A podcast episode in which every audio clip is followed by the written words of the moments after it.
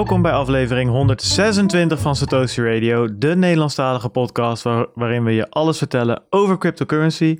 Ik ben Bart Mol en ik zit hier natuurlijk weer met de gebroeder Slachter, alle twee aanwezig, in een zwart shirt. Uh, het is een soort rouwdag, jongens. Het lijkt toch alsof we to the moon gaan, maar... Ja, we maken ons klaar voor, uh, voor andere shirts. Maar uh, echt, bitcoin stijgt zo snel dat ik nog geen tijd heb gehad om om te kleden, joh. Ja, want we spreken 5 november, 12 over 3. En uh, ja, waar zitten we, jongens? Het is, het is gekkenhuis vandaag. Ja, ik, elke keer als ik uh, kijk is het weer anders. Ja, goed, dat is meestal zo. Maar nu gaat het wel, uh, gaat wel hard, ja.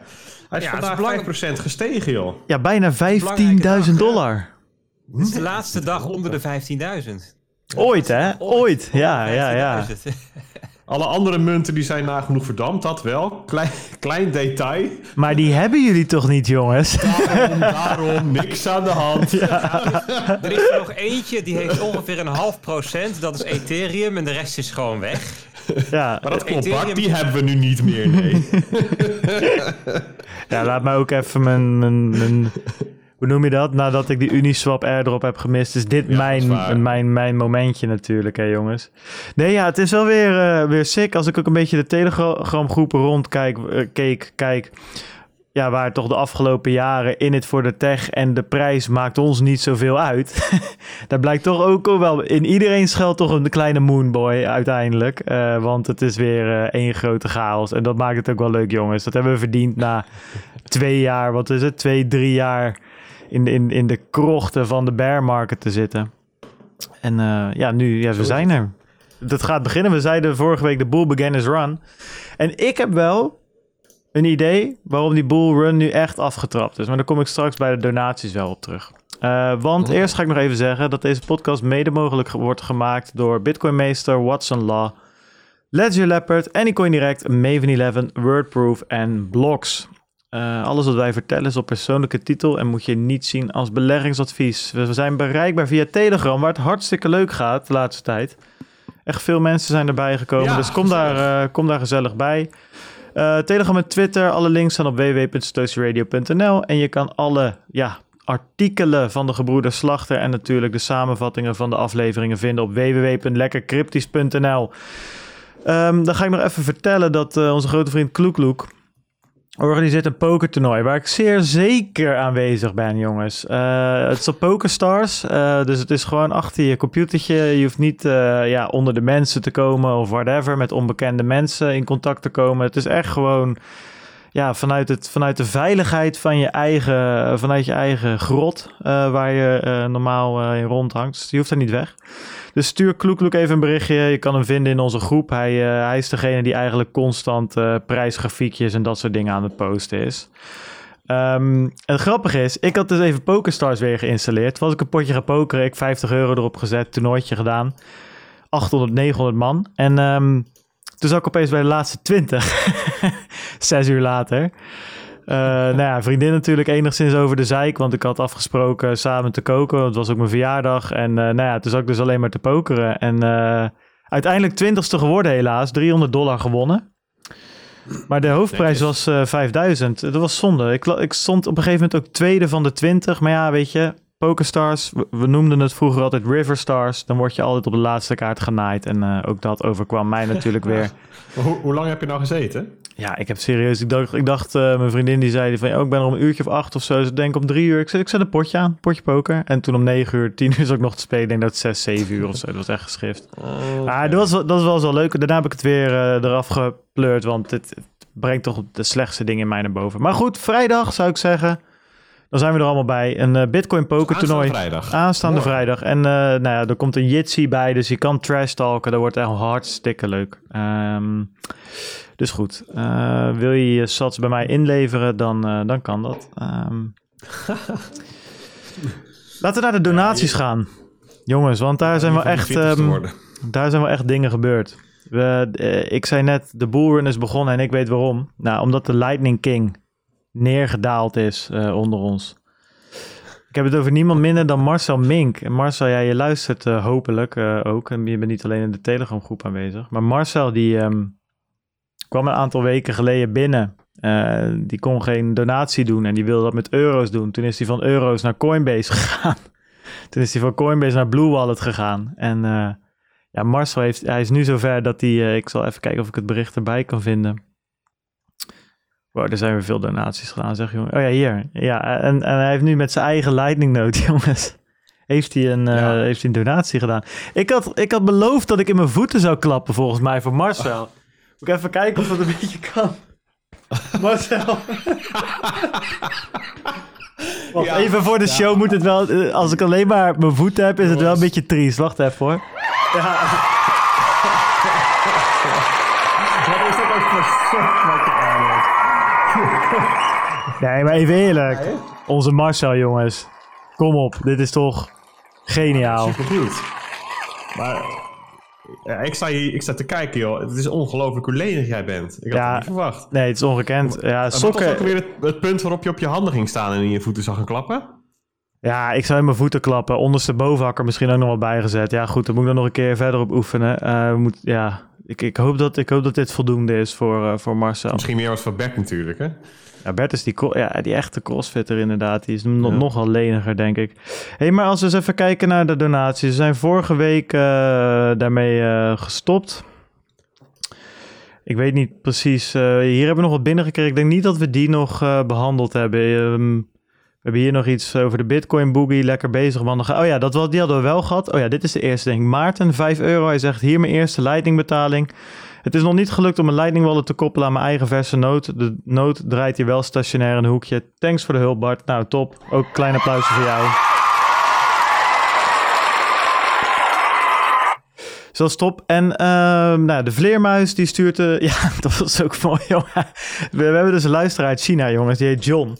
En uh, John die stuurde vorige week een hij zei, ja, die donatieknop die werkt niet bij jullie op de website. Dus uh, ik kijk of ja, alles gewoon online. En ik kijk in de backend en ik zie dat John letterlijk, nou, ik denk 50 keer een invoice gecreëerd heeft of zo, of 60 keer. Dus ik zei van, joh, John, even rustig aan. Uh, weet je, de vlammen slaan uit die, uit die Raspberry Pi, weet je. Misschien heeft het daarmee te maken. En het bericht wat hij gestuurd had, is dat hij ook een paar, uh, dat hij aardig lam begon te worden, omdat hij al lekker wat pilsjes had gedronken. oh, en toen zei ik, nou, oké, drink, je, drink je pilsje op John over een kwartier weer proberen. En toen is het gelukt. de vleermuis noemt hij zichzelf ook. Dat is zijn bijnaam, omdat hij in China zit. Hij stuurt 1 euro met het bericht test. En het echte, het echte bericht is nooit meer doorgekomen. Nou, John, jongen, we houden van je. ga zo door, ga zo door. Um, uh, Lightning Luke uh, stuurt 10 euro. Toffe show, hoog tijd voor een donatie. Vraag. Ik heb nu MyNote en Lightning Wallets op de mobiel, maar wat doe ik er nu mee? Je kan bijna nergens betalen met Bitcoin. Ik wil ze ook eigenlijk niet kwijt. Kloek heeft wel veel betalingen langs zijn nood, maar dat kunnen ook rondzingende balancer betalingen zijn, lijkt mij. Graag jullie mening. Ja, daar hebben we de kip en het ei weer, uh, jongens. Kijk, en ik heb dit in de Telegram groep beantwoord aan Lightning Luke. Oh, laat, ik, laat ik het aan, aan, Bert en Peter vragen. Hè? Wanneer, uh, stel dat bol.com op een gegeven moment zegt je kan hier met Lightning betalen.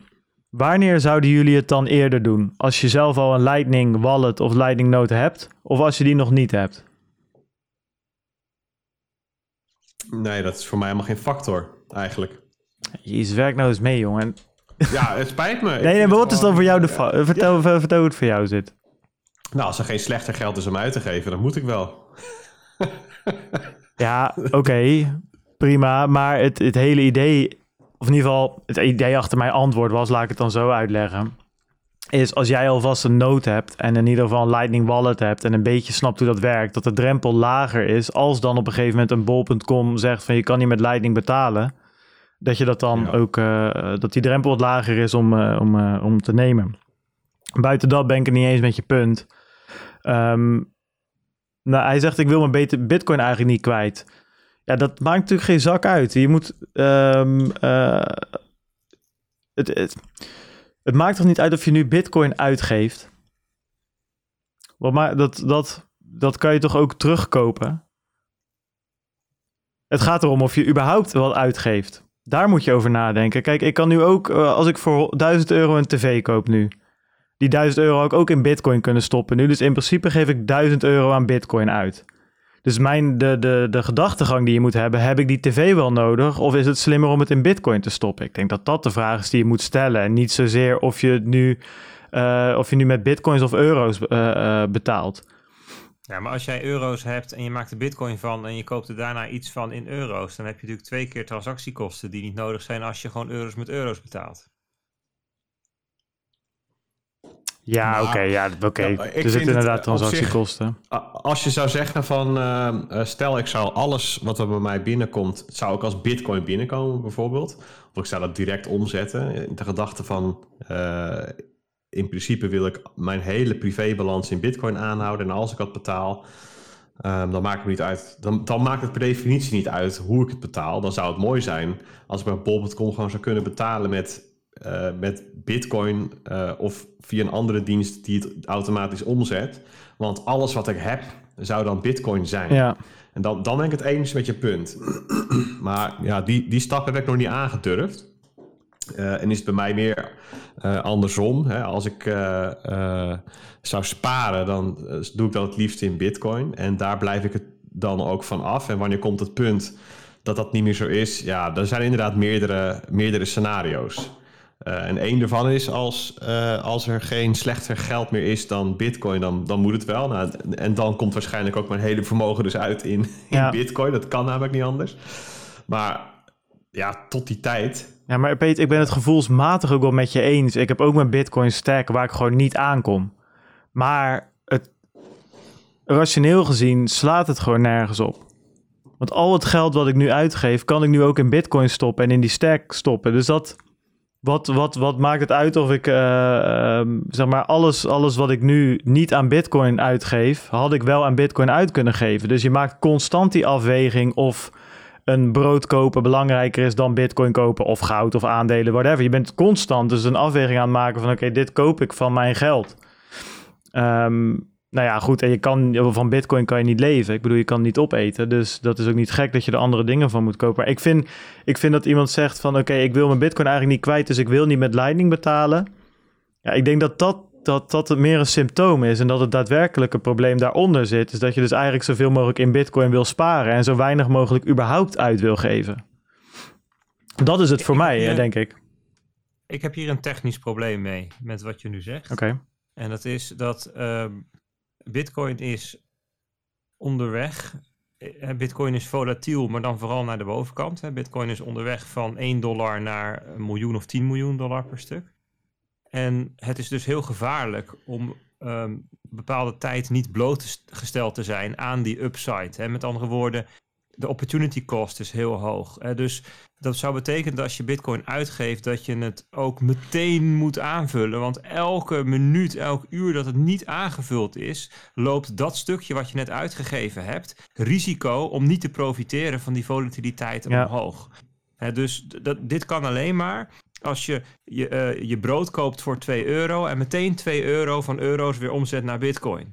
Ehm, en, en, en dus even los van die, van, die, eh, van die inertia, die traagheid die daarin zit, omdat dat gewoon wel eh, tijd kost en moeite kost en transactiekosten kost als het on-chain is. Ehm, eh, dus los van het gedoe, betekent dat dat je dus een, een onwijs hoge discipline of iets geautomatiseerd moet hebben, waardoor ehm, de, de, de, de tijd dat je niet blootgesteld bent zo klein is dat je dat risico durft te lopen. Dat is voor, voor mij met name, zou met name de denkrichting zijn. Ook als je gaat kijken van ehm, eh, zeg maar de stijging van eh 100 dollar naar 10.000 dollar, hè, eh, even qua orde grootte. De, die, die stijging die is veroorzaakt in maar 5 tot 10 procent van de dagen.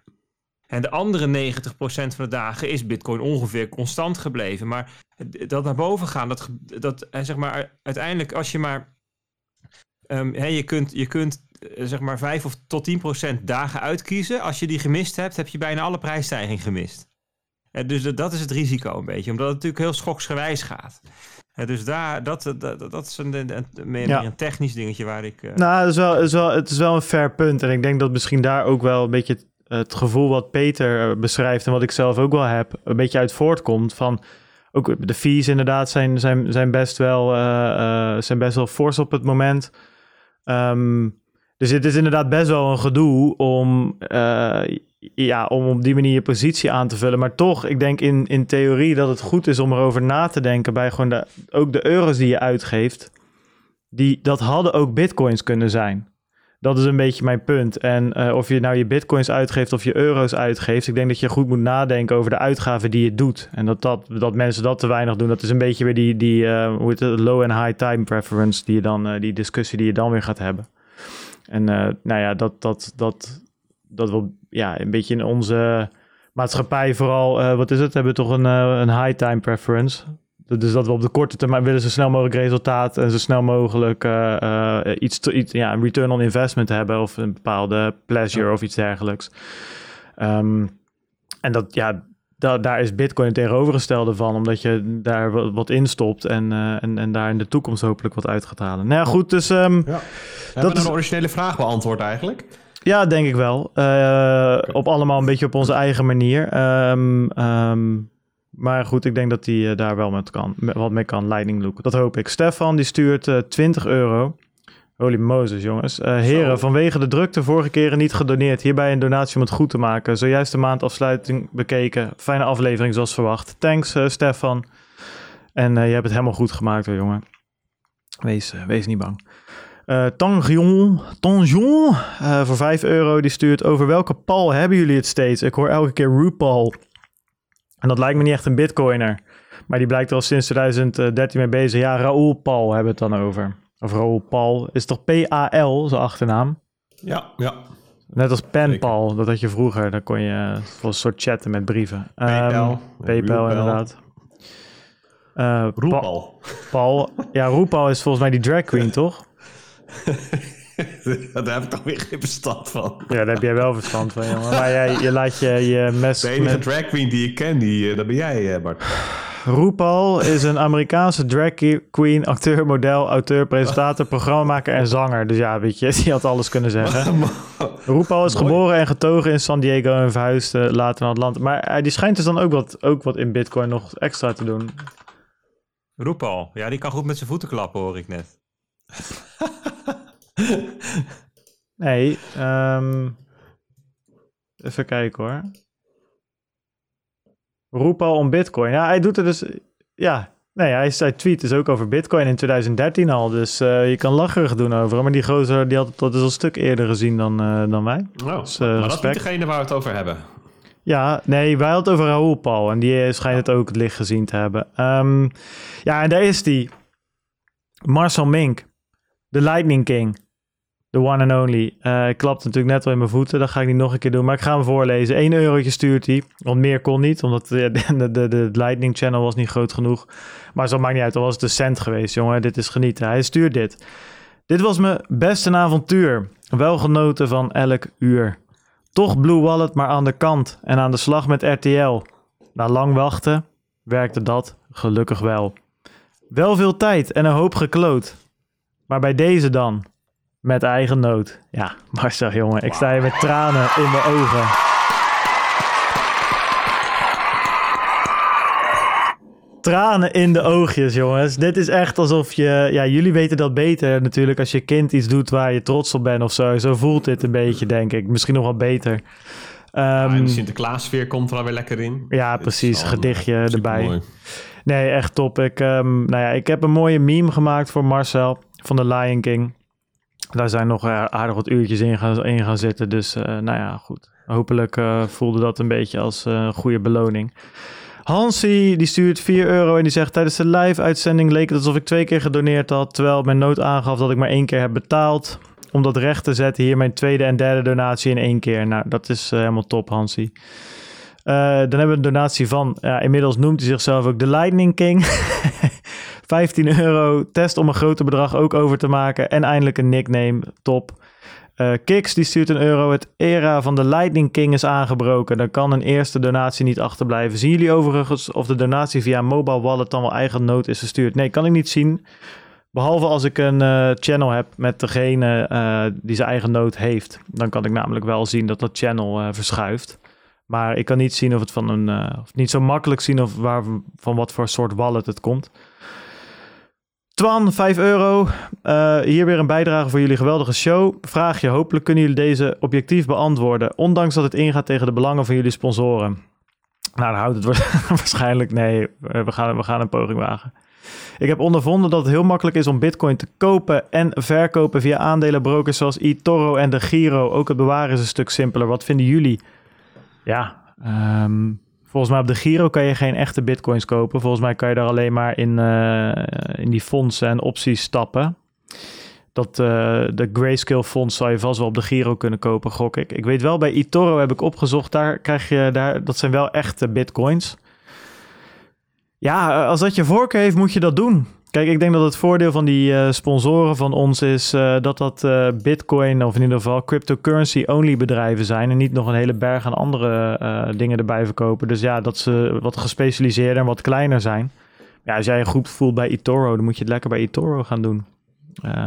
dat boeit me eigenlijk voor de rest vrij weinig. Ja, ik, ik, ik weet niet hoe jullie er tegenaan kijken, maar ja, potato potato. ik heb eToro en uh, die andere broker eigenlijk nog nooit gebruikt. Dus ik, ik ja.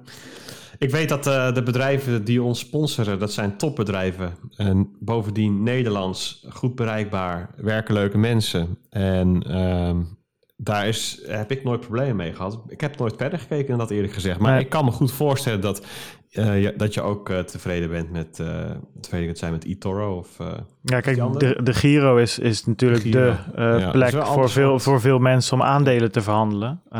maar voor zover ik weet kan je bij hun geen bitcoins kopen en eraf halen. Bij eToro wel, schijnbaar. Nou ja, Prima. Ja, zou kunnen. Ja, als ik in de aandelen zou handelen, zou ik geloof ik niet naar, uh, hoe heet die? De Giro gaan. Volgens mij heb je tegenwoordig zo'n uh, zo in Duitsland gevestigde broker waar je ook geen transactiekosten betaalt, okay. überhaupt. Even de naam vergeten daarvan. Zoek ik op. Komt in de show notes. Grauwblozer heet dat volgens mij. Um, ben, je serieus? Nee, natuurlijk ben ik niet serieus. Weet ik veel. Marky stuurt natuurlijk een eurotje. Uh, bedankt, was weer informatief en gezellig. Nou, top dat je dat vond. Lieke Trading Platform stuurt een eurotje. Ik ben volledig uit Bitcoin verwacht dat 14.000 tot 14.500 geen steun gaat worden. Lieke, um, volgens mij is dit iemand die een geintje uithaalt, denk ik. Want Lieke LTP is uh, de meme van de Nederlandse Bitcoin scene geworden, die natuurlijk de op de bodem zijn bitcoins verkocht heeft, al zei hij het zelf. En nu met ledenogen moet toezien dat we door de 15.000 heen aan het stoten zijn.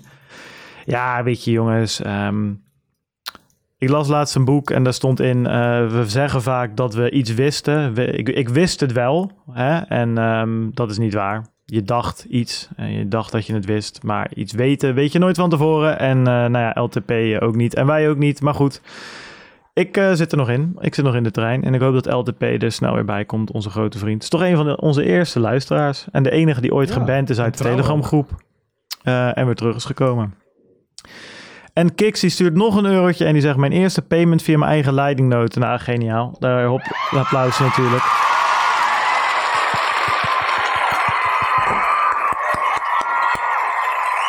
En uh, die zegt: FTX-oprichter Sam Bankman-Fried Bankman Fried is een van de grootste donateurs van Joe Biden. Wat vinden jullie daarvan? Ja, dat moet hij lekker helemaal zelf weten. Dat is het mooie ervan. Dat mag.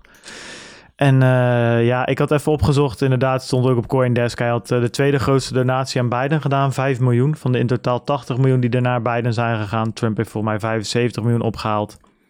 Ja, zo gaat het daar in Amerika. Als je daar president wordt, heb je geld nodig en vrienden nodig. En uh, Sam is blijkbaar een vriend van Biden of van de Democratische Partij zijn er nogal meer. De CEO van Google ook, bijvoorbeeld, die zit ook uh, naar die kant. En er zullen ook wel vast dat mensen bij de Republikeinen zitten. Ja, ik vind daar niet zoveel van. Behalve dat ik het achterlijk vind dat, dat een presidentskandidaat zoveel geld nodig heeft om president te kunnen worden. Of überhaupt in die race te kunnen zitten. Ik denk dat dat wel dat niet echt een level playing uh, field is, zeg maar. En dan krijg je van die oude mannen van 80 jaar die, die president willen worden, omdat zij het grootste netwerk hebben. Maar goed, dat is wat ik ervan vind. hey, ik heb een leuk nieuwtje. Ik heb namelijk het volgende, jongens. Jullie schrokken net al toen ik het liet zien voor de uitzending. Maar ik ga het gewoon nog een keer doen. Uh, ja, voor de YouTube kijk. Peter, kan jij anders voor de luisteraars ja, een soort van audiospel hè, vertellen wat je ziet? En de YouTube-kijkers kunnen het zelf zien. Oh, oh ja, ja, ja, zeker. Bart, die uh, doet nu een deel van zijn kleren uit. Je eerste reactie is enigszins verschrikt en uh, toch ook wel. Uh, is, het is ook wel spannend, een afwachting op wat je gaat zien. Uh, iets wat je verwacht gebeurt ook. Je ziet een enorme witte gloed, maar dat is niet zijn buik. Dat is een shirt. Een shirt met daarop, jawel, een Geo-driehoek, beste mensen. Hij is er. Een legendarisch shirt is het nu al. Het Bertje Geo uh, t-shirt, Satoshi Radio Edition. Ja. Limited, neem ik aan. Zeker weten. Ja. ja Althans, ja, voor nou. Nee, dit, dit, is de eerste druk. Ik heb er 35. Het was een rip bij mijn lijf, moet ik je zeggen. Maar voor onze luisteraars doen, doen we alles. Um, Oké, ik zal het je zo vertellen. Ik heb een tijdje terug, had ik al verteld, ik was een beetje bezig met wat, wat, wat is nou leuk voor die, uh, voor die luisteraars. Zeker omdat zoveel mensen op een gegeven moment die, uh, die Raspberry Pi's begonnen te kopen, hadden we toch wel zoiets van, joh, daar moeten we ook even, even iets leuks voor doen. Nou ja, t-shirtje. Uh, toen heb ik een keer een design gepost. Nou, die werd compleet afgefakkeld. Dat, dat, dat was eventjes een bump in the road. nou ja, goed. dan? Huh? Ja, weet ik veel. Ik had iets van stacking sets. Het was ook een beetje een triest design. Even reality check voor mij. Dus ik heb uh, uh, een, een kunstenares. Heb ik deze geodriehoek laten tekenen. En uh, nou ja, ik heb nu um, ja, pak een beetje 25 shirts laten drukken. En dit zijn de actievoorwaarden. Ik zal ze er even bij pakken. die heb ik namelijk in onze Telegram groep staan. Um, ja, eigenlijk wat ik dus wil is dat mensen een, um, een, een, een onze nood, onze Satoshi Radio Lightning node toevoegen als peer. Maar ik ben de minste niet. Als jij gewoon naar mij op uh, Telegram, uh, uh, apenstaartje Blakka Pim, je daar een berichtje naar stuurt naar mij of via de groep, via Twitter, whatever, met bewijs dat jij een nood hebt gemaakt op aanraden van ons, dus stuur een fotootje van je nood door, whatever. Ik ga daar ook niet zo moeilijk over doen, dan sturen wij jou een t-shirtje terug. Ze liggen klaar. Ik heb er al tien op de lijst staan, tien of elf. Dus ik heb er nog 14 over, jongens. Uh, first come, first serve. Um, served. Dus um, dat, dat is wat we gaan doen. En uh, nou ja, jullie krijgen natuurlijk ook eentje. Maar dat gaan we tijdens de live show wel doen of zo. Of whatever. Ik stuur ze wel op. Moet even kijken. Maar dat, dat is leuk, denk ik. Een klein cadeautje cool. van ons voor jullie, jongens. We hebben gelijk een dresscode voor, uh, voor de volgende live show. Nou, ik heb dus gezien dat we enigszins ja, dunne... Het zijn echt zomerse shirtjes, als ik het positief oh, mag zeggen. Dus het is ja, in het kader van hashtag free the nipple, hashtag body positivity. het is enigszins shine through zo nu en dan. Maar goed. maar ja, weet je, anders doe je dat lekker op de... Uh, gewoon op shirt voor moeders te vrouwen. Precies, op de luie zondag of zo. Whatever. Het is een leukigheidje. Lijst hem in. Doe ermee wat je wil. Uh, het is gratis, dus uh, je bent er niks aan kwijt. Je verliest er niks aan. Um, dus dat, jongens. Dat is erg leuk. Erg leuk. En uh, nou ja, voor Marcel komt... Oh ja, dat wilde ik zeggen. Mark, jij bent de enige. Voor jou maak ik een uitzondering. Je hebt niet je eigen nood, maar je bent onze eerste donateur. Elke week. Stuur even een berichtje op Twitter of op Telegram naar mij. Dan, uh, dan komt er ook een shirt uh, jouw kant op. Uh, en dan bedoel ik natuurlijk onze... dat John er niet om vraagt. Wat? ik zei nu maar hopen dat John er niet om vraagt. Hoezo? Moet er eentje naar China toe. Ja, inderdaad. ja. Voor de vleermuis. ja. Ja, ik, uh, ik, zou een AliExpress pakketje retour kunnen sturen. Dat is, of niet aan kunnen nemen. Een soort van gratis. maar... Um, dus goed, um, nou ja, dat. Het is hartstikke leuk. En uh, ik heb ze gisteren allemaal in doosjes gedaan. Een paar stickertjes erbij. Dus uh, het is echt een leuk pakketje. Dus um, laat het ons weten. En dan uh, komt er een t-shirtje je kant op. hey, goed bezig, man. Ja, alles voor die luisteraars. Alles voor die knakkers. Ik, maar we hebben ook wel topluisteraars, hè? Jongen, ik, ik, ben nog steeds, nog steeds op de high van de vorige live show. Ja, ongekend. 139 waren er zelfs. Ik zei 132, maar het waren 139. Bert, jongen, dit is niet eens meer... Dit is parabolische groei. Dit is niet eens meer exponentieel, man. dit is gewoon een nieuwe reeks. Dit zat helemaal niet in die vorige. ja, precies. exponentieel is sneller dan parabolisch. Ja, maar dit is parabolisch exponentieel, oh. hè, bedoel ik. Ja. Oh. Het is een soort ching-ching dubbel. is dit. Uh, ja. En het laatste uh, dingetje wat ik wil laten zien hier. Die kreeg ik ja, van mijn ouders voor mijn verjaardag. Nou ja, ik weet niet waarom, maar hoef ik dus niet meer op het soundboard. Oh, even kijken hoe die er werkt. dus als we weer een uh, vraag hebben, ik heb nu een fysieke bel. En die moet ik nog even monteren aan mijn, uh, hier, zo aan dat ding. dat ik zo kan bellen hier. Dus goed. Nou ja, waarom geven je ouders dat voor je verjaardag? Ja, Weet je? Dat weet ik ook niet. Nee, ja. Hadden ze niet beter je zijwieltjes eraf kunnen halen? nou ja, ik had dus gezegd dat ik een, eh, een elektrische fiets wilde kopen. En toen hebben ze me een fietsbouw gegeven. Ja, weet je, dat, uh, dat is het gaat bij ons thuis. Precies, dat zeiden zij ook.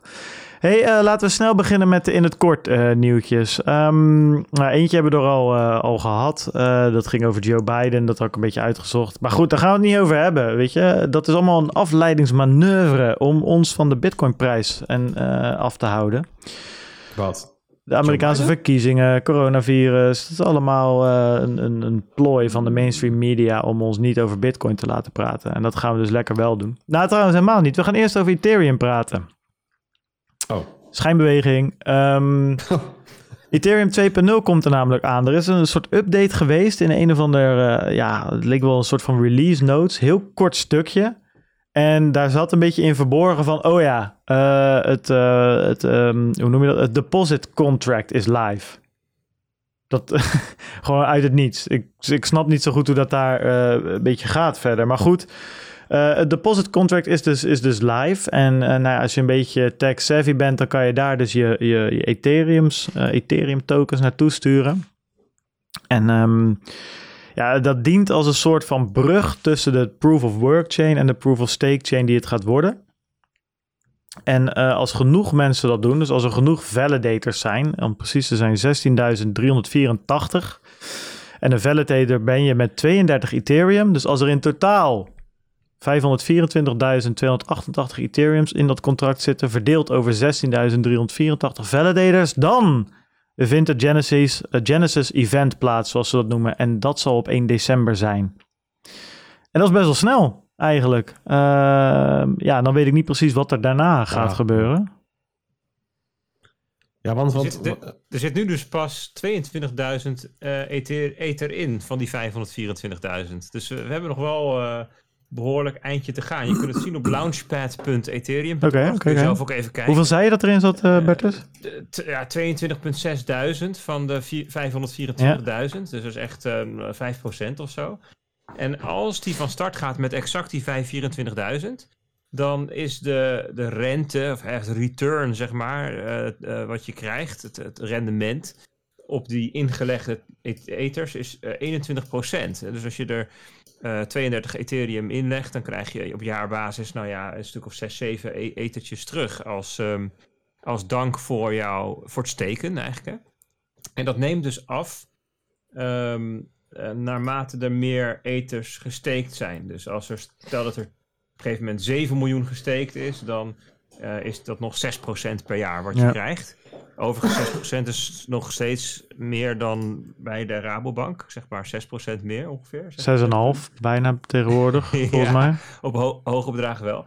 Dus, uh, dus dat is wel, je kan daar kijken. Het is wel geinig om daar eventjes uh, doorheen te Kun je nog één keertje noemen, dus Bert? Die, uh... Launchpad, launchpad.ethereum.org. En um, ik weet dus ook Waar moet je aan voldoen? Ja, 32 ether.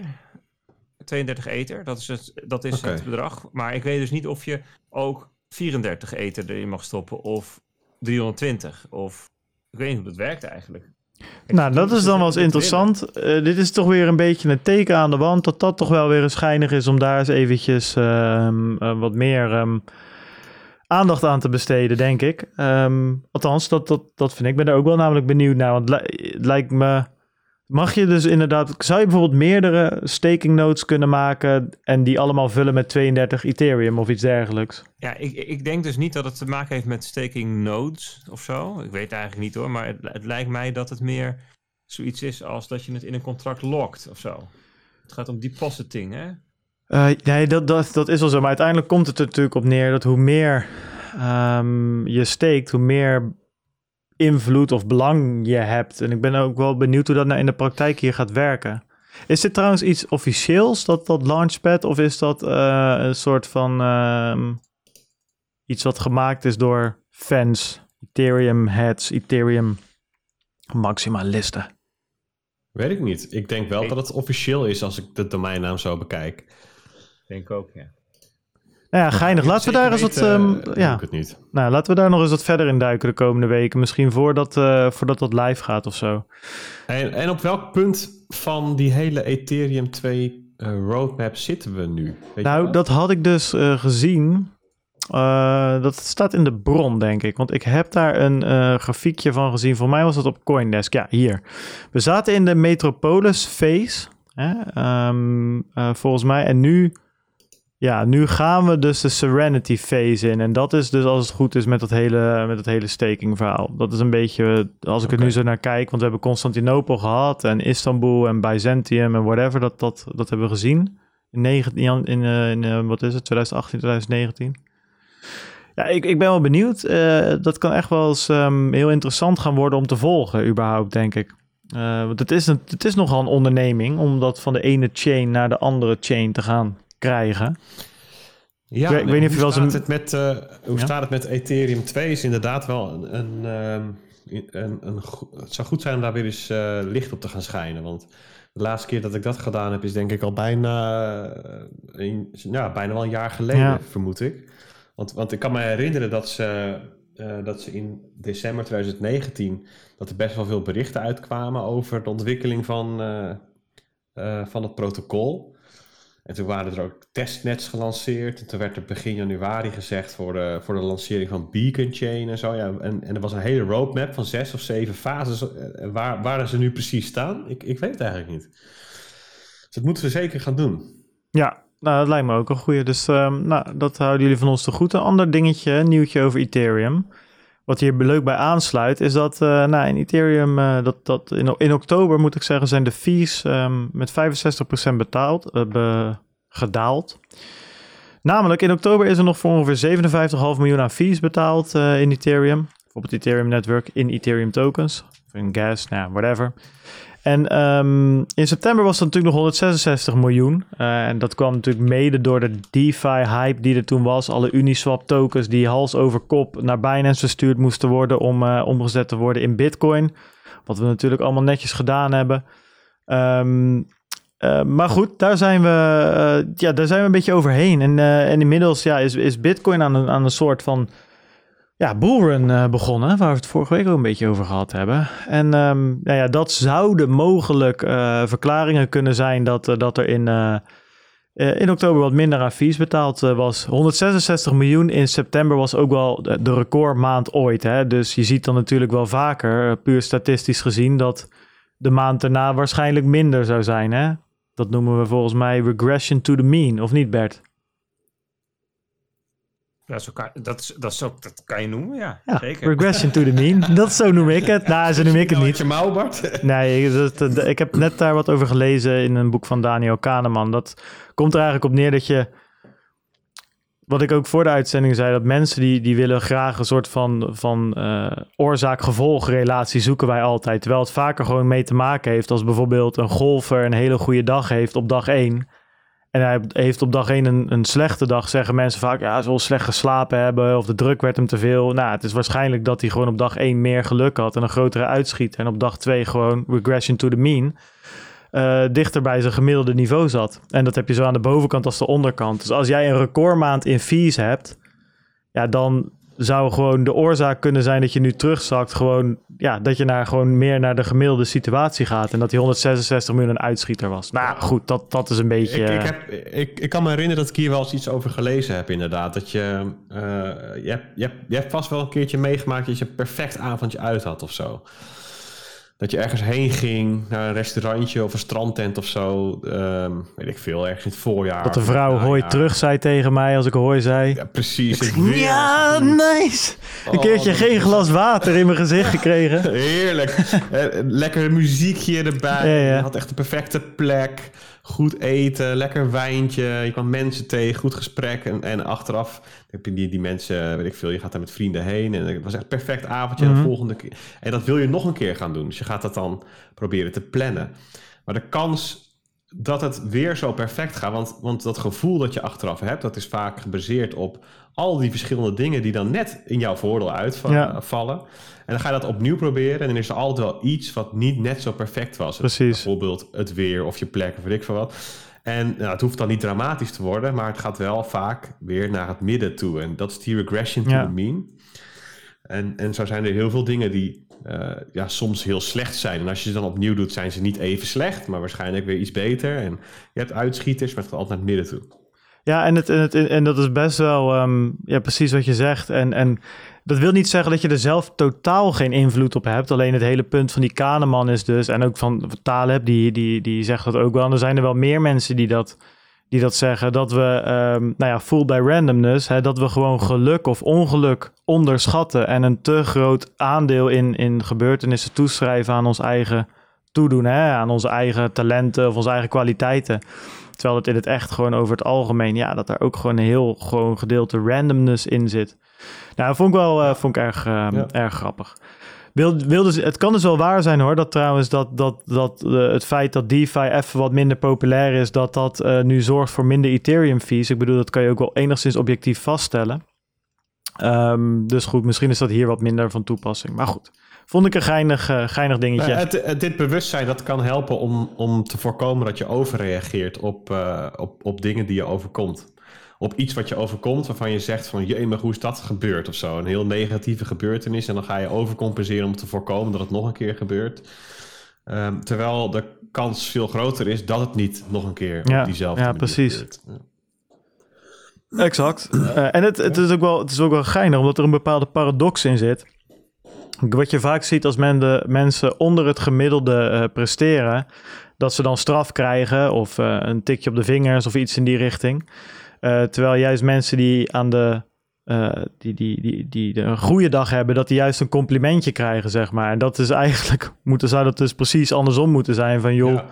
Uh, dat je maar, mensen ondersteunt als ze net onder het gemiddelde zitten van joh, dat, dat loopt, alweer, dat loopt alweer goed af. En dat je juist ja. mensen aan de bovenkant een beetje het, het, het, verwachting, de verwachting tempert van joh, waarschijnlijk had je gewoon een goede dag, dus bereid je maar voor dat het de volgende keer niet zo goed zou gaan. Iets in die richting. Dat vond ik ook wel geinig. Uh, geinig, geinig tegelijkertijd, ja, een leuk onderwerp. Want, want tegelijkertijd is het ook wel weer moeilijk om te onderscheiden of, of iets een, een trend of een patroon is of um, uh, een, een uitschieter. Weet je wel? Een, een, een voorbeeld, een, iemand die chronisch ziek is, die kan een slechte dag hebben. Um, maar ligt dat aan is dat te wijden aan toeval? Weet ik veel. slecht gegeten of uh, net iets te hard gesprint naar de bus. Uh, waardoor je gewoon lichamelijk even uitgeput bent die dag. Of is het, het de start van een, uh, een periode van echt langer ja. slecht in je vel zitten? Een, een neerwaartse spiraal. Hoe, hoe kan je dat onderscheid maken?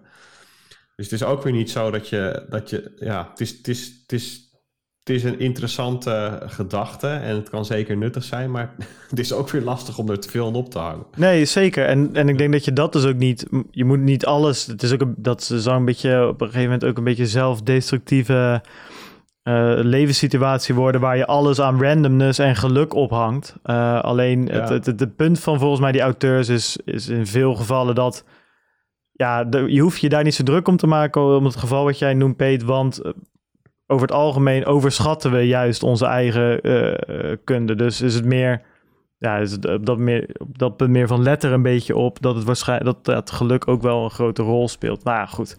Gaan we misschien ja, nog een keer, ik ga daar nog wel een keer zelf een filmpje over maken, denk ik, voor de mensen die dat interessant vinden. Um, dan nog, ja, terug naar Bitcoin.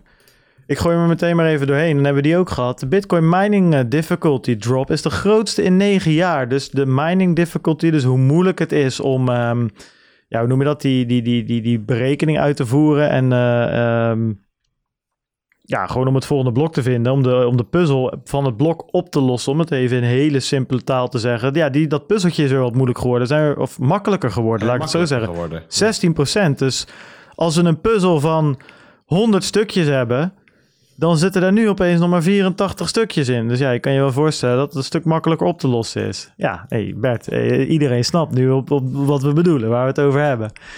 Maar Bert, ik, um, wij, Peter en ik hebben net een filosofische discussie gehad. Even terug, terug naar de wiskunde. Wat zegt dit nou iets? Is het, het klinkt significant, hè? Grootste drop in negen jaar, maar uh, maakt het wat uit? Ik bedoel, uh, maakt het Bitcoin wat uit? Moet het ons wat uitmaken? Kan het wat zeggen? Ik, ik, ja, ik, ik ben een beetje zoekende daar.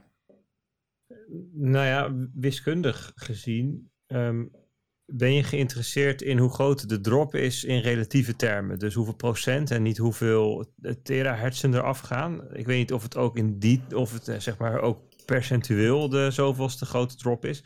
Maar als ik puur even naar het grafiekje kijk, dan zie ik um, dat er in 2020 al twee best wel aardige drops geweest zijn. Van 123 naar 94.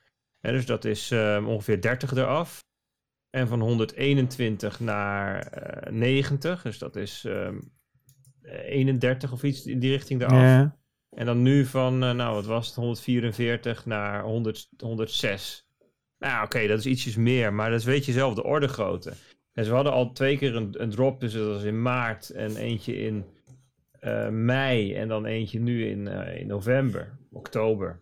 Hè, want kijk, de, de difficulty die... Oh, ik, trouwens, sorry, ik zit naar de hash rate te kijken. Ja, ja. Niet naar de ja. difficulty, maar de, maar de difficulty die volgt... Um, hè, dat is eigenlijk een soort van gemiddelde van 14 dagen, uh, hè, wat, wat het dan uh, dropt. Want het kijkt naar de gemiddelde blocktime in die periode. Um, maar het punt waar het nu zit, dus dat is 110 terahash per seconde. Dat is um, nog ruim boven waar het uh, begin van het jaar, eind van het jaar zit. Dus ook ruim boven waar het na die vorige drops op uitkwam. Hè. Dat was 100, uh, onder de 100. Uh, dus eh, als je het in de wat, wat grotere historische context bekijkt, als je een beetje uitzoomt op de grafiek, hè, ja, ja. when in doubt, zoom out, dan valt het allemaal wel mee. Maar het is natuurlijk wel heel, heel erg interessant, de vraag waar dit door komt. Hè? Want de, de eerste drop in maart, die kwam doordat die prijs toen echt gedeeld door drie ging of zo. Dat was echt van 8000 naar 3000, weet je nog wel, 15 maart. En die tweede drop in mei, dat was omdat de, uh, de reward voor de miners natuurlijk halveerde met de halving. Ja. En, en wat is dan nu de oorzaak dat, dat, dat nu blijkbaar een hele hoop miners tegelijk hun miningapparatuur in de wilgen hebben gehangen? Nou, de vraag is, ja, weten jullie dat? Ik heb, ik heb één speculatie erover gelezen, maar ik ben benieuwd wat jullie ervan... Uh, nou ja, uh, Peter en ik, uh, na onze filosofische openbaring van twee minuten terug, zeggen nu natuurlijk, ja, dit was gewoon een de maanden hiervoor waren uitschieters. En nu is het regression to the mean. Dus we gaan gewoon terug naar het gemiddelde. Nee, maar kijk, ik, ik, wat ik gelezen heb, maar dat deed mij een beetje denken aan het uh, Chinese nieuwjaar en de Wall Street uh, bonuses, was dat uh, schijnbaar in China alle miners na het regenseizoen hun mining equipment inpakken en uh, door het halve land verplaatsen naar een kolencentrale of zo, iets in die richting, omdat dan de hydro uh, e elektriciteit er niet meer is, whatever.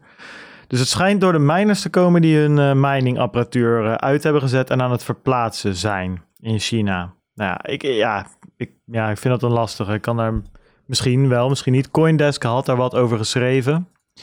Ik wel eens even kijken of ik dat er nog even bij kan zoeken. Heb jij een idee, uh, Peet? Heb jij nog andere insider information? Nee, ik zag inderdaad wat tweets langskomen van... nou, het regenseizoen is gestart of geëindigd in, in China... maar ik, ik, ik ben daar verder niet ingedoken. Ja, wat me wel te binnen schiet... is dat het ook nog helemaal niet zo heel lang na de halving is, hè? Ik bedoel, de, de vorige halving was mei, mei 2020. Um, we zijn nu een halfjaartje verder... Um, ik zou het helemaal niet gek vinden als er eh, maar in de afgelopen maanden en ook nu nog steeds effecten daarvan voelbaar ja. zijn. In de markt van miners. Met bedrijven die de afgelopen maanden uh, hebben geprobeerd om het hoofd boven water te houden. En er toch uitgesqueezed worden door bedrijven die efficiënter opereren. Uh, we, hebben toen de tijd hebben er best wel lang over gepraat met elkaar. Ook, uh, er kwamen toen allerlei rapporten uit ook over de, de markt van miners en, en hoe de halving die beïnvloedt. En toen was er ook wel de consensus van ja, dat gaat uh, zeker wel ja, minimaal maanden, zeg maar, in die, in die termen gaat daar, gaan daar overheen voordat weer zo'n evenwicht bereikt wordt. Ja, is dit daar zo'n onderdeel van? Ja, misschien wel. Ik, ik lees ook wel berichten dat ze in oktober 8% winst hebben gemaakt, die miners. Hier, Bitcoin miners zal, uh, sorry, winst, uh, 8% revenue increase in oktober. Dus revenue is, uh, is omzet. Ja, maar goed, dat, dat, dat, dat, dat is natuurlijk lastig om, om te stellen voor alle bedrijven. Dat, misschien is ja, het gemiddeld ja. Nee, ik ken de data niet natuurlijk, maar... Maar dat, ja, dat zie nou, nee, nee, nee, nee, nee. Van, het, hun operationele kosten. Nou, het gaat er een beetje om dat er staan hier bijvoorbeeld. Uh, dat, doen ze op basis van de, dan van de netwerkfees, zeg maar. Hè? Dus je kan dan zien natuurlijk wat er want dat is nog wel, dat wilde ik ook nog even. kijk, hier, ja, weet je, misschien komt het door die Chinese miners, misschien niet. Ik vind Pete zijn, argument nog wel een goede eigenlijk. Dat, ja, weet je, we zitten helemaal nog, helemaal nog niet zo lang na die halving, dus misschien heeft dat nog zijn, zijn invloed. Ik kwam nog op een dingetje wat, nu we het over mining fees hebben. Daar, daar, daar was voor mij toch ook daar ja, op een gegeven moment, ik was Marcel aan het helpen met zijn, uh, met zijn Lightning Note. En die moest even een, uh, een kanaaltje openen. Gozer heeft op een gegeven moment uh, 100 sats kanaal, 100.000 sats kanaal geopend. En de fee was 80.000 of zo. Hè? Dus um, nou heb ik ook het idee dat Marcel een beetje op mij lijkt wat dat betreft. Die heeft, die heeft gewoon super fast ingevuld. En nou ja, wat het kost maakt, maakt verder niet uit. Kijk maar wat het, wat het is. Uh, weet je, ik bedoel, als ik bijvoorbeeld naar Kloekloe kijk, die, ja, die gooit gerust een transactie erin en die zegt, ja, wanneer de mempool leeg is, dan komt hij er wel doorheen. Uh, we zien het wel. Uh, dus dat is twee verschillende werelden een beetje wat dat betreft. Maar die, die fees, jongens, is dat geen onzichtbare gorilla? Daar had ik het met Constant ook nog even over van de week. Ja, dit... ze gaan alweer omhoog. Mempool begint alweer vol te raken en we zitten nog niet eens op een all-time high. Weet je, gaat dat...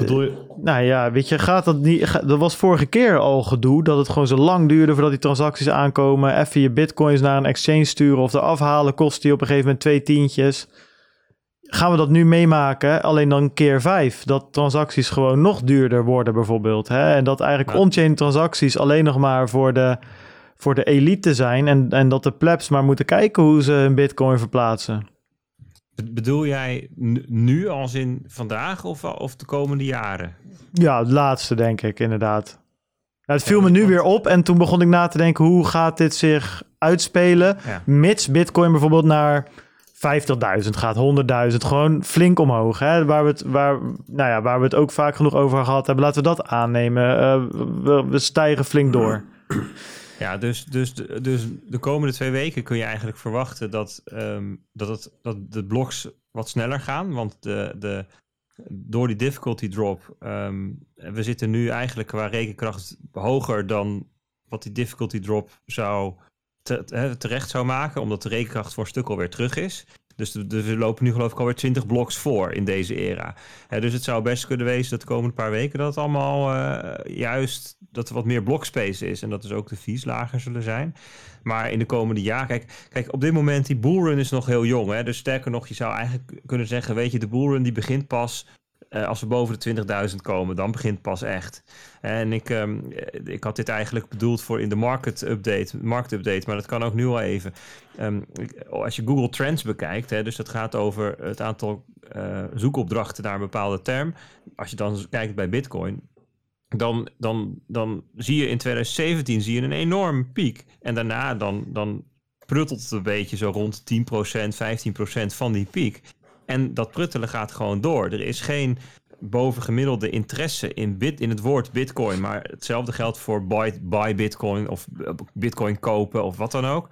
Um, dat betekent dat de massa, dus in de, zeg maar de, de retail investors, de consumenten, die zijn helemaal nog niet mee bezig. En dus wat je nu ziet, dat is puur die, ja, toch, um, uh, zeg maar, een kleiner aantal grote investeerders blijkbaar. Dus de, de, zeg maar echt de, de, de, de, de, de hype. En dat, dat zorgt voor, voor ehm, die enorme fees. Die moet, die moet nog komen. En dat zag ik bij DeFi natuurlijk. Met Ethereum.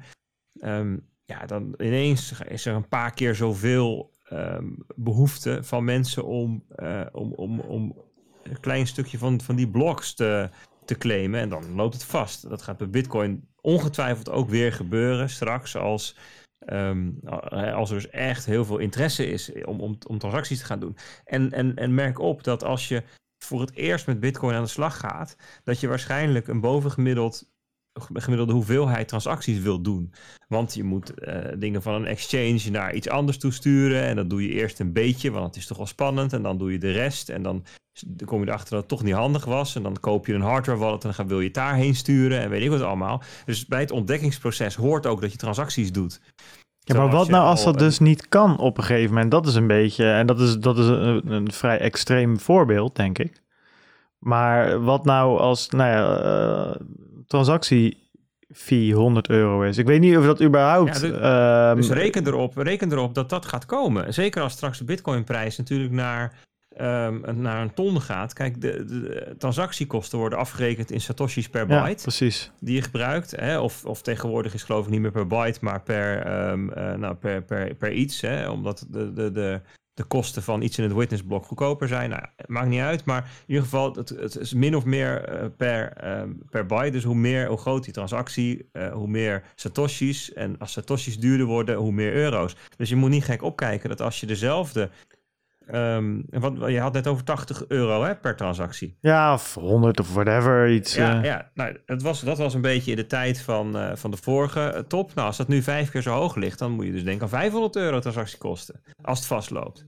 Ja, nou ja, kijk, want dat, dat, dat, dat, dat, dat strookt natuurlijk niet helemaal met het verhaal wat wij, eh, ik zelf ook vaak genoeg vertel aan mensen, is van, nee, maar eh, eh, vriend of vriendin of eh, opa of oma of moeder of vader, je hoeft geen één bitcoin te kopen. Je kan ook gewoon 100 satoshis kopen. Ja, dat kan natuurlijk op een gegeven moment niet als jij daar ehm, een berg advies ehm, eh, over betaalt. Dus ja, en dan moet je na gaan denken, ja, dan ben ik benieuwd wat voor systemen er dan komen. En waarschijnlijk krijg je dan een PayPal die zegt van, nou ja, weet je, bij ons kan je dat wel kopen, Mhm. want wij, heb, wij verschuiven dat achter de schermen toch allemaal in bulk. Eh, en dan eh, vegen we het op die manier wel, eh, wel samen. En bij ons kan je dat gewoon wel kopen voor een lage fee. Eh, maar dan heb je zelf niet je bitcoin. Dus dat, eh, ik, ja, ik weet niet man. ik dit, vind is dat... precies, dit is precies waar we het de afgelopen twee jaar natuurlijk ontzettend vaak over gehad hebben. Over die schaalbaarheid van bitcoin. Ja, En, ehm, en toen was het bear market, dus toen, was het alle, toen leek het allemaal vrij theoretisch. En nu, nu, nu wordt die theorie wordt praktijk. En wa, wa- wat voor soort ehm, ehm, eh, opties hebben we genoemd? Nou ja, dat je op de base chain meer capaciteit krijgt. Dus dat kan doordat er meer transacties in een blok passen. Bijvoorbeeld eh, Taproot en Snor Signatures, die, die zorgen geloof ik voor 30% meer dat er meer in een blok past. Ehm, en, en zo zullen er meer innovaties kunnen zijn op de base layer.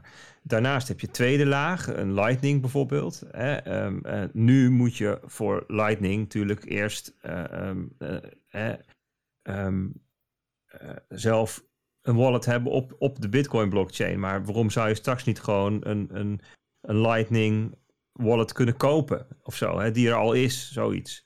Weet ik veel. Ik bedoel, tweede, nou, laten we zo zeggen, tweede laag opties. Dat daar eh, veel meer naar verplaatst. En dan Ja. heb je nog custodial. En dat, bedoel, ja, dat, laten we wel wezen, zo'n PayPal-achtig iets, dat zal, voor, dat zal in de komende bullrun voor meer mensen de ingang zijn dan in de eerste, eh, hè, dan, dan in de bullrun van 2017. Daar ging eigenlijk alles eh, on-chain. En in, de- in de bullrun van 2021 zal er veel meer, ja, of op een tweede laag of custodial gebeuren. Ja, en, en kijk, weet je, met die, met, die, met die tweede laag, als we het over Lightning hebben, daar hebben we dan, hè, wij persoonlijk nog best nog wel wat ervaring mee in de, in de tussentijd met, met die notes en die donaties en dat soort, dat soort gekkigheid. Ja, en eh, je, eh, je moet er toch nog best wel een aantal on-chain transacties doen eh, om dus off-chain eh, te, ja, eh, geld naar bitcoins naar elkaar te kunnen versturen. En ehm, zeker omdat dat nog allemaal redelijk nieuw is, weet je, zo nu en dan klapt er opeens eens een channel uit, dan moet je hem gewoon weer opnieuw openen. En dan wordt hij, eh, wordt hij geforced closed omdat een van de twee nodes iets raars doet of whatever. Ik had dat met Kloek Kloek laatst. Ja, dan moeten we vijf keer opnieuw een channel openen. Dat zijn wel dingetjes. En kijk, ik denk uiteindelijk als het allemaal wat makkelijker gaat, dan, dan krijg je inderdaad of een custodial optie zoals Blue Wallet, waar ik helemaal niet zo eh, onwelwillend tegenover sta. Dat heb ik vanaf het begin af aan gezegd. Dat werkt gewoon altijd. En eh, dat vind ik voor twee tientjes helemaal prima. Ehm, maar wat je dus ehm, ook kan doen, is dat je op een gegeven moment die wel je eigen Lightning node hebt, maar gewoon één enorm kanaal opent naar eh, een hele well-connected node. Bijvoorbeeld een Kloekloek of een Blue Wallet of whatever. Je hebt een aantal async eh, node. En dat je dus maar één keer zo'n on-chain transactie hoeft te doen. Maar dan nog, ja jongens, als dat echt veel geld gaat kosten, ja, dan weet ik niet hoe de, hoe de plebs zich gaan redden. Kijk, wij zijn dan gelukkig onderdeel van de 1%. Ehm, dus wij kunnen die on-chain transacties nog doen. Nee, maar zonder dolle, dat wordt wel een dingetje. Weet je, we, we, we grappen er nu een beetje om met, eh, met de DNB dat ze die 15, ehm, eh, dat ze 15 miljoen euro hebben betaald om dat, eh, om dat goud te verplaatsen van, van, van wat was het, Zeist naar, of van Haarlem naar Zeist. Maar ja, wat, wat nou als op een gegeven moment alleen nog de micro-strategies en de, en de grote exchanges genoeg bitcoin hebben om, om die fees te kunnen veroorloven? Ik weet het niet. Misschien, kan, misschien is dat zo. Zou wel goed zijn voor bitcoin zelf overigens. Want dat betekent dat we minder bloksubsidie nodig zouden hebben. Maar... Ja, waar je ook over moet denken is dat ehm, de prijs van een transactie ook samenhangt met hoeveel haast je hebt. Want er zijn volgens mij praktisch elke week nog momenten dat, je, dat de mempool leeg is. Ja. Ik geloof dat zondag, elke zondag is er nog wel even een momentje dat die praktisch leeg is of leeg. En dat zijn de momenten waarop de grote exchanges hun dust gaan verzamelen en zo.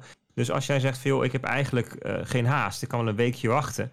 Ja, dan hoeft het veel minder te kosten dan als je zegt, ik wil het nu hebben en ja, nu naar mijn wallet of ik wil het. Hè, dus het was een beetje in 2017 was het van, um, hè, dan, dan, dan kwam er weer, was er weer een of andere shitcoin die je moest hebben. En, um, of, of een of andere ICO waar je in moest stappen. Nou, dan moest je je geld, uh, je kon dan met euro's betalen bij een broker en dat moest dan ergens heen. En, dat, en dan moest je wachten tot het er was en dan kon je, weet je, dus had je haast. Nou, dan ging iedereen tegen elkaar op zitten bieden. En dan wordt het duur. Nou, dat zag je met die DeFi-hype ook weer. Ehm, hè, als, je, als je de tijd hebt, dan kan het een stuk goedkoper. Hè. Dus het kan best zijn dat er nou, misschien wel mensen in bulk Lightning channels gaan openen op goedkope momenten en die later verkopen aan een ander. Weet je, dat soort.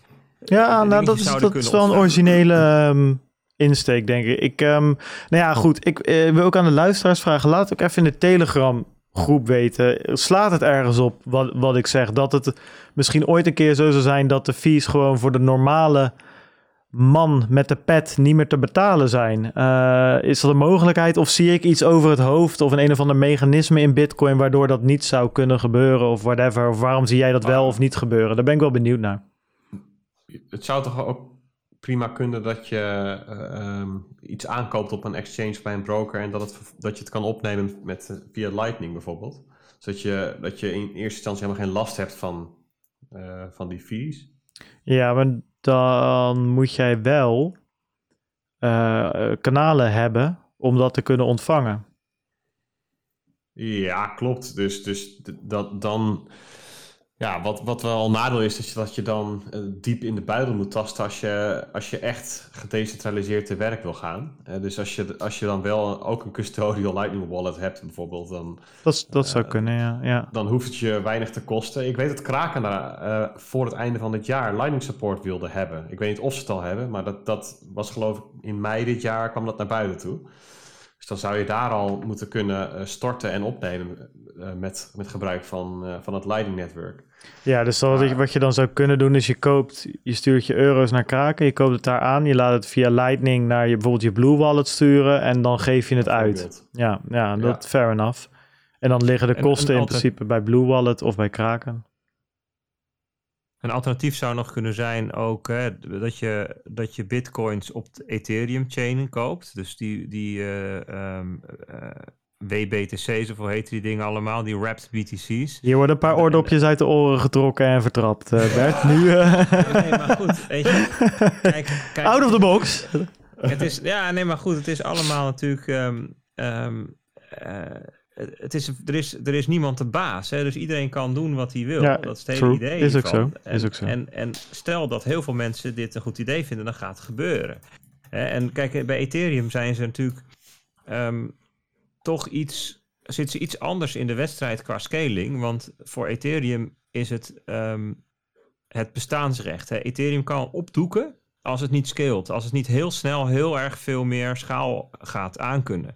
Ze zijn daar heel serieus bezig met die roll-ups, die, die zero knowledge roll-ups ja. en optimistic roll-ups. En nou, per 1 december krijg je dus de Ethereum 2.0 die gelanceerd wordt. Nou ja, uiteindelijk gaan ze richting sharding. Dus dat je, dat je het, het, het opdeelt in kleine stukjes, horizontale schaling, horizontaal dingetjes naast elkaar, kleine bakjes naast elkaar.